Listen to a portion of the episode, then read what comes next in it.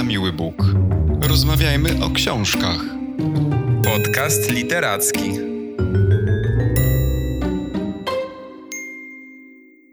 Dzień dobry, cześć. Witajcie w kolejnym odcinku naszego podcastu. Dzisiaj porozmawiamy o książce, którą czytał Kamil. No to Kamilu, co czytałeś? Trzymam przed sobą książkę y, z bardzo estetyczną okładką. Nie mogę się oderwać, y, nie mogę oderwać wzroku od niej. To jest książka Franza Fanona. Nazywa się Czarna skóra, białe maski. Wydało ją wydawnictwo Charakter i to jest taki, w skrócie mówiąc, esej szukający powiązań między kolonializmem a rasizmem.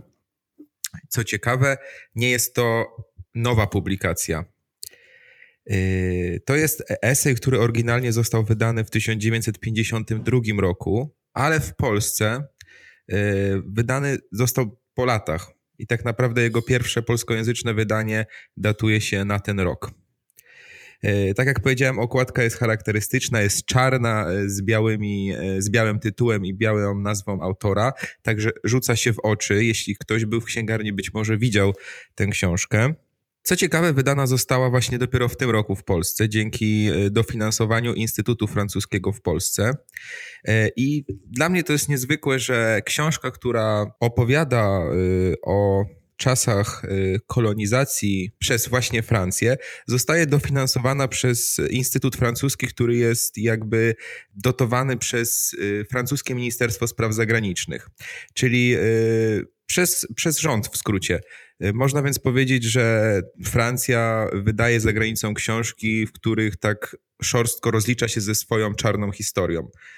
Dla mnie to jest pełne podziwu, bo nie każdy kraj potrafi po prostu patrzeć sprawiedliwie na swoją historię, a tutaj mamy tego przykład. I my w Polsce dzisiaj możemy czytać książkę, która w sposób jednoznaczny krytykuje kolonializm francuski, między innymi. No i też jakby tłumaczy nam podwaliny stworzenia się rasizmu właśnie na, e, na podstawie tego kolonializmu. Nawiązując jeszcze do samego wydawnictwa Charakter, które jak samo na swojej stronie pisze, wydaje między innymi ambitną eseistykę i literaturę faktu, to muszę to potwierdzić i myślę, że każdy, kto szuka tego typu literatury, znajdzie w charakterach mnóstwo interesujących i unikatowych pozycji. Wystarczy wejść na stronę, oni mają bardzo e, fajnie przygotowany dział e, z, ze swoimi publikacjami i tam w tym dziale znajdziemy bardzo wiele e, ciekawych pozycji właśnie o takim charakterze eseistyki, literatury faktu. Tak, ale to też jest takie wydawnictwo bardzo, bardzo znane z tego, że ich okładki i w ogóle design książek jest niezwykły. Tam mm, dział graficzny zasługuje na największe pochwały. Mm, mówię to też jako grafik z zawodu. E, bardzo podobają mi się ich publikacje, zawsze są świetnie wydane. Dodajmy tylko może, bo nie powiedzieliśmy, że polską wersję przełożyła Urszula Kropiwiec. A powiedz mi, kim jest Franz Fanon? To jest w ogóle postać y, symboliczna. To jest taka pełnokrwista osoba, y, która właśnie, tak jak stwierdziłem, jest symbolem walki z kolonializmem. E, I w zasadzie realizował on tę walkę na dwóch płaszczyznach. Z takiej praktycznej strony angażował się w wojnę po stronie Algierskiego Frontu Wyzwolenia Narodowego, właśnie przeciwko francuskiemu kolonizatorowi. I to było w latach 50. XX wieku. No ale przede wszystkim znane są jego publikacje, czyli jakby ta działalność teoretyczna. E, był pisarzem i filozofem, poza tym był też lekarzem, lekarzem psychiatrą i napisał przynajmniej dwie takie epokowe książki, takie przełomowe na tamte czasy, w tym właśnie czarną skórę, białe maski, w których analizuje mechanizmy przemocy kolonialnej, od którego według niego wychodzi problem rasizmu. I on w ogóle mm, dochodzi też do takich wniosków, że mm, we wszystkich krajach, które są krajami afrykańskimi, a odzyskały tą niepodległość, wyzwoliły się spod y, władzy kolonizatorów, nie powinno dochodzić do tego, że rządzą nimi elity, które wychowały się w czasach kolonialnych, ponieważ cały czas ciąży na nich e, brzemię właśnie kolonializmu i tego poczucia niższości względem rasy białej. Tą relację biały-czarny Fanon analizuje w dzisiejszej, y, w dzisiaj omawianej książce. Ja jeszcze dodam, że ogólnie Fanon jest o tyle też y, nietuzinkową postacią z bardzo takimi burzliwymi losami, bo on urodził się na Martynice, czyli na, na takiej wyspie przy Ameryce Południowej. I wtedy Martynika funkcjonowała jako kolonia francuska. I co ciekawe, mm, w jego życiorysie można przeczytać, że on początkowo służył nawet w armii francuskiej. Przeniósł się do Francji, tam za środki publiczne y, studiował i zdecydowanie jakby współpracował z rządem francuskim i dopiero w, pod koniec jego studiów y, radykalnie zmienił swoje poglądy i zdecydowanie wystąpił przeciwko rządowi i przeciwko całej kolonizacji, przede wszystkim państw afrykańskich, które wtedy Francja kolonizowała. Y, I to właśnie w Afryce, w Algierii konkretnie, jego sprzeciw najbardziej widoczny. On tam został y, on tam został wysłany przez francuskie Ministerstwo Zdrowia do pełnienia funkcji właśnie lekarza psychiatry w jednym z miast. No i tam, e, poza tym, że zaczął publikować książki przeciwko kolonializmowi, już tym swoim nowym poglądem na świat, to też wstąpił do wspomnianego wcześniej Frontu Wyzwolenia Narodowego. Mm, właśnie jak przygotowywałem się dzisiaj do odcinka i tak chciałem sobie przybliżyć sylwetkę tego autora, to nawet chyba tam wyczytałem, że później przeniósł się do Gany i w ogóle był ambasadorem Algierii. Tak, on uciekał y, przed represjami po tym swoim już jakby, po tej swojej działalności antyrządowej, antyfrancuskiej, przeniósł się i uciekł do Gany, rzeczywiście tam y, nie zaprzestał swojej działalności. Robił to za granicą Algierii. A powiedz mi z formalnego punktu widzenia, jak wygląda struktura tego eseju? To znaczy, jak on jest zbudowany? Struktura jest taka, że nasza książka składa się z siedmiu rozdziałów, które są e, siedmioma osobnymi rozważaniami na temat e, różnych kontekstów funkcjonowania w świecie osoby czarnoskórej. Jest takie zdanie, które przyświeca teoretycznemu celowi tej książki. E, czarny to czarny człowiek, to znaczy, że na skutek wielu zaburzeń afektywnych osiedlił się w świecie, z którego będzie trzeba go wydostać. A więc w wielkim uproszczeniu autor książki uważa, że problemem czarnoskórych jest fakt, że przez kolonializm został im narzucony e, jakiś nowy punkt odniesienia, do którego czarnoskóra osoba stale i destrukcyjnie dąży, no a tym punktem odniesienia jest oczywiście wszystko to, co związane z, jest y, z kolonizatorem, czyli z ludem białym, z, z wartościami tego ludu, z kulturą i ze sposobem y, bycia białych. I dla przykładu podając y, to, jakiego rodzaju, jakiego typu mamy rozdziały w tej książce, mogę powiedzieć na przykład o dwóch takich rozdziałach, które dla mnie były najciekawsze.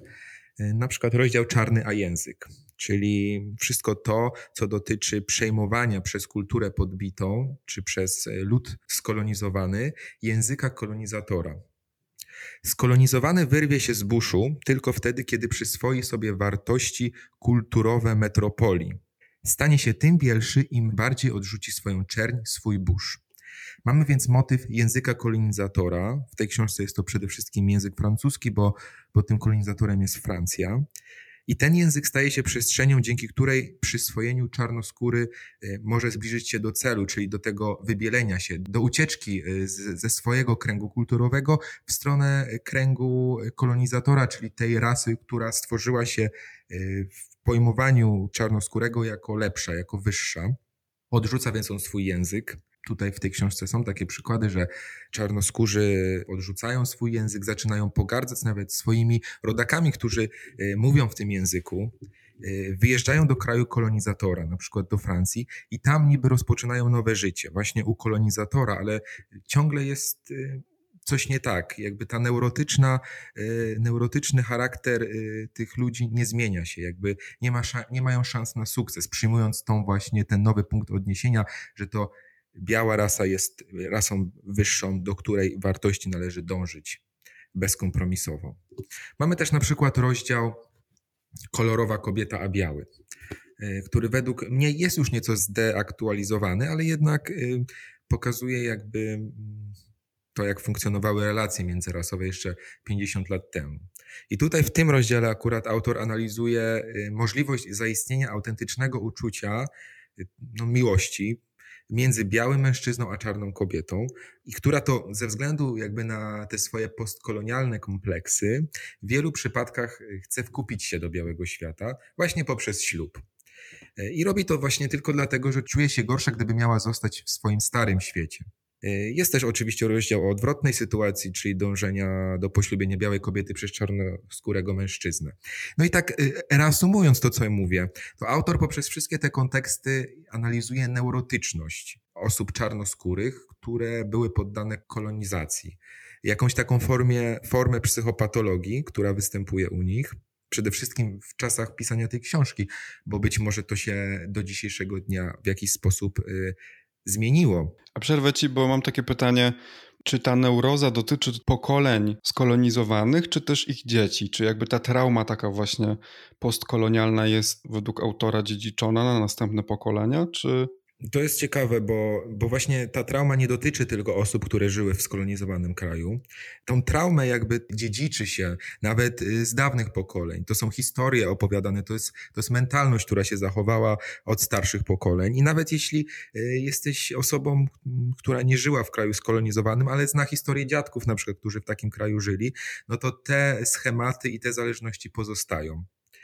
I te schematy, właśnie te patologie, tak naprawdę, które zostały wytworzone w, w psychice ludów podbitych, yy, tworzą do dziś w mniejszej lub większej intensywności to poczucie niższości i chęć porzucenia własnej indywidualności. A słuchaj, bo wiele osób, e, tak mi się wydaje, że z założenia nie sięga po eseje, bo wydają im się w wielu miejscach e, nużące, albo może lepiej powiedzieć, bardzo wymagające intelektualnie, bo to są najczęściej jednak no, takie akademickie e, teksty. Powiedz mi, jak ta książka jest napisana? Nie mogę powiedzieć, że, że, żeby bez wątpienia sięgali po tego typu książki masowo, no bo mnie ta książka sprawiła dużo trudności, jeśli chodzi o przeczytanie jej. Ja czytałem tę książkę, która ma 250 stron, y, dwa tygodnie, co nie zdarza mi się. Nie czytam książek innych gatunków tak długo. Jest to książka, która napisana jest językiem naukowym. I tutaj, jeśli nie jest się e, na co dzień obytym w tej nomenklaturze filozoficznej, psychologicznej, no to będzie to sprawiało problemy. Będzie trzeba szukać w jakichś innych źródłach e, znaczenia danego słowa, czy w ogóle mm, szukania danych kontekstów, osób, e, sytuacji politycznych, które są przywoływane w tej książce, a o których możemy przecież nie mieć pojęcia jako laicy. Ale mam też gdzieś takie poczucie, że ja to nazywam masochizmem literackim, że on jest potrzebny uczytelnikom, bo no, co jakiś czas przynajmniej. W bólach często rodzi się rozwój i, i, to jest, i to jest taka pozycja, którą ja w swoim przypadku podpinam pod tą regułę. Okej, okay, a ten tekst powstał w latach 50. ubiegłego wieku. Jak ci się wydaje, dlaczego ta książka została wydana w Polsce po niemal 70 latach? Innymi słowy, czy ona ma jakąś wartość współcześnie? Myślę, że jak najbardziej ta książka ma bardzo wiele wartości, mimo że część z nich może nie jest już y, w skali 1 do 1 identyczna jak w czasach, kiedy ta książka powstawała, natomiast y, zawiera ona jakby bardzo wiele informacji i naukowego wyjaśnienia podwalin y, rodzenia się rasizmu. Jest kilka rzeczy, które mogą się różnić, bowiem od lat 50. wiele się zmieniło, przede wszystkim w takich krajach jak Francja, wiele pozmieniało się w relacjach międzyrasowych. Natomiast wiemy przecież, że, że nie wszystko jest tak, jak być powinno, no i no i nie wszystko, nie wszędzie szanuje się czarnoskórych obywateli. Moim zdaniem więc warto poznać e, naukowe podwaliny jednej z takich teorii, dlaczego powstają patologie w społeczeństwie, gdzie jeden nie szanuje drugiego ze względu na kolor skóry. No szczególnie właśnie, że jest to taka teoria i publikacja, które dały początek i motywację wielu ruchom antyrasistowskim na świecie, bo właśnie dzieło Falona uważane jest za przełomowe e, i jak na tamte czasy również było na najwyższym poziomie takim naukowym, merytorycznym. Ale jest taka kwestia, która, której się też przyjrzałem czytając książkę, bo która kiedyś była e, inna, podejście do tej sprawy, do tej nomenklatury było inne niż jest teraz. Mam na myśli określenie murzyn e, które przecież wzbudza wiele kontrowersji, a w tej książce pojawia się na każdej stronie w zasadzie. Jest używane w sposób neutralny. E, I wiemy, że to słowo w naszym kraju obecnie wzbudza wiele wątpliwości, właśnie czy jest pejoratywne, czy nie. Ja sięgnąłem y, do, do, do, do, internetu, y, żeby przeczytać coś na ten temat z tych najnowszych publikacji trafiłem na wypowiedź profesor Katarzyny Kłosińskiej. Ona jest językoznawczynią na Uniwersytecie Warszawskim i z jej wypowiedzi można dowiedzieć się, że murzyn to na poziomie językowym jest y, określenie jak najbardziej neutralne. Ono nie ma ani negatywnego, ani pozytywnego zabarwienia. Czy więc warto używać go mm, w potocznej mowie? No, kiedyś kiedyś używało się tego słowa powszechnie, czy w publikacjach, czy w rozmowach. Na pewno Maćku pamiętasz taki wierszyk mm, Murzynek Bambo w Afryce mieszka, nie? No przecież... Problem właśnie z tym słowem murzyn też jest taki, że on w języku polskim funkcjonuje właściwie w takich negatywnych zwrotach. Na przykład, że coś jest jak w murzyńskiej wiosce. E, murzyńska wioska jest synonimem właśnie zacofania. Jeżeli chodzi o ciężką pracę, że ani to zrobi jakiś tam murzyn, nie będę murzynem na przykład w tej firmie, czyli nie będę po prostu takim popychadłem, tak? Na przykład 100 lat za murzynami. Mhm. I w tym kontekście właśnie w naszym języku zwróćmy w ogóle uwagę, że na przykład w zależności od różnego języka dane słowo ma zabarwienie pejoratywne lub jest zupełnie neutralne, na przykład właśnie słowo czarny.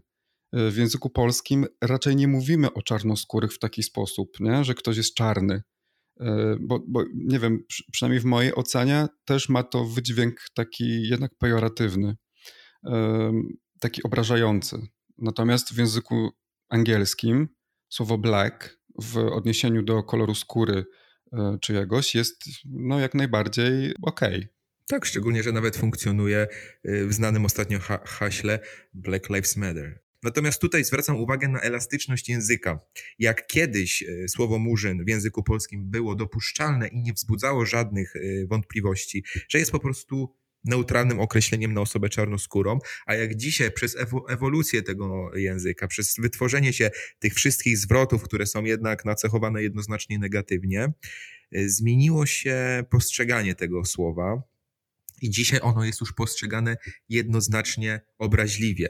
E, zaczęło obrażać niektórych przedstawicieli właśnie czarnoskórej społeczności. I dzisiaj z tego względu zaleca się nie używać określenia murzyn. Więc jakby ja nie chciałem też e, w naszym dzisiejszym odcinku używać tego słowa, mimo że mm, ono jakby w tej strukturze językowej w żaden sposób negatywny nie jest. Zastanawiałem się właśnie, dlaczego ta książka akurat teraz pojawiła się w Polsce bo z tego wszystkiego, co opowiadasz, ona bardzo dobrze wyjaśnia, skąd wziął się rasizm. E, I też w kraju, w którym, mówię właśnie teraz o Polsce, w którym nie mamy takich tradycji kolonizatora, rasizm w ostatnich szczególnie latach mam wrażenie, że jakoś tak przybiera na sile. Nie wiem, może to jest tylko moje takie odczucie, ale generalnie mamy jakiś problem w Polsce z traktowaniem mniejszości różnych. Nieustannie pojawiają się przecież takie doniesienia, że ktoś kogoś pobił w tramwaju tylko za to, że mówił w innym języku albo ma inny kolor skóry. Ostatnio oglądałem bardzo, bardzo wzruszający w ogóle film e, na Facebooku, w którym ciemnoskóry mężczyzna, no właściwie był taki śniady, to nawet nie, nie był czarny kolor skóry, no po prostu płakał, bo, bo mówił, że żyje w Polsce kilkanaście lat, natomiast jego syn no jest nieustannie upadlany w szkole i, i ten mężczyzna mówi, no nie wiem, ze mną możecie robić co chcecie, ale zostawcie moje dzieci w spokoju. No to jest taki, już właściwie nie wiadomo co z tym zrobić. I też jest też taki motyw, ty mówiłeś wcześniej o tych małżeństwach mieszanych, o czarnoskórych kobietach, które próbują się e, właśnie przenieść do tego kręgu kulturowego białych, ponieważ mają jakieś problemy mm, z taką samą akceptacją i z niską wartością. Natomiast też w Polsce bardzo jest e, nagłaśniane takie szykanowanie kobiet, które zdecydowały się związać z czarnoskórymi mężczyznami. Jest w Polsce dobrze funkcjonujący ośrodek monitorowania zachowań rasistowskich i ksenofobicznych. Mają taki fanpage zresztą na Facebooku, gdzie informują o tego typu przypadkach i właściwie każdego dnia takie przypadki się zdarzają i zastanawiam się właśnie, jaką wartość dla polskich czytelników i czytelniczek mogłaby mieć ta książka? Ja myślę, że z niej wyłania się obraz takiej patologii psychologicznej, jaka nastąpiła na relacji e, rasy białej i rasy czarnej.